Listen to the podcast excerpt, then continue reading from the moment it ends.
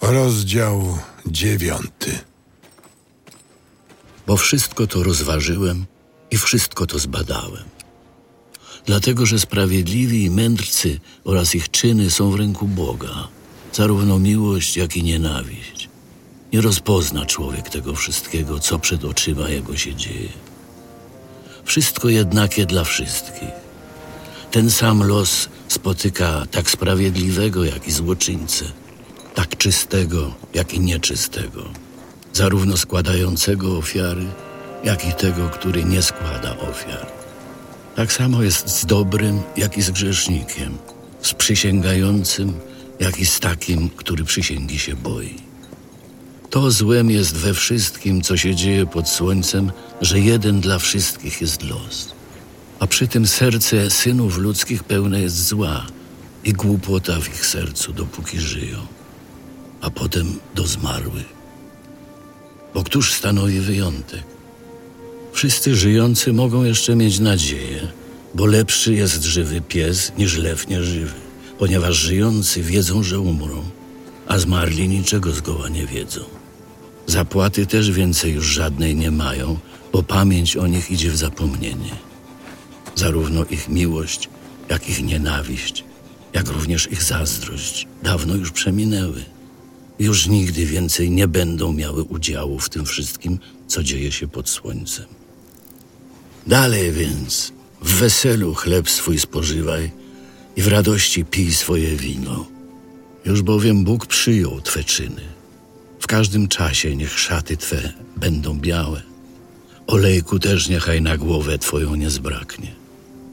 Używaj życia z niewiastą, którą ukochałeś, po wszystkie dni marnego Twego życia, których Ci Bóg użyczył pod słońcem. Po wszystkie dni Twej marności. Bo taki jest udział Twój w życiu i w Twoim trudzie, jaki zadajesz sobie pod słońcem. Każdego dzieła, które Twa ręka napotka, podejmij się według Twych sił. Bo nie ma żadnego działania, ani rozumienia, ani poznania, ani mądrości w Szeolu, do którego zdążasz. A dalej widziałem pod słońcem, że to nie chyżym bieg się udaje i nie waleczni w walce zwyciężają.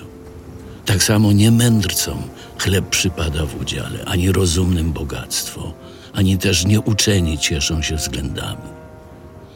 Bo czas i przypadek rządzi wszystkim.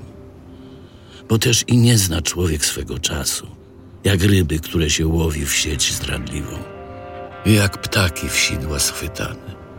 Jak one, tak uwikłani zostają ludzie w złej chwili, gdy spada na nich znienacka.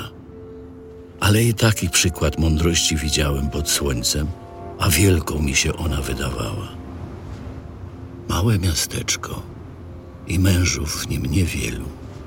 I naszedł je potężny król, a wkoło je otoczywszy, zbudował przeciwko niemu wielkie machiny oblężnicze. I znalazł się w nim człowiek biedny, lecz mądry. I ten uratował miasto dzięki swej mądrości. A nikt nie pamięta o tym biednym człowieku. Więc powiedziałem, lepsza jest mądrość niż siła. Lecz mądrość biednego bywa w pogardzie, a słowa jego nie mają posłuchu.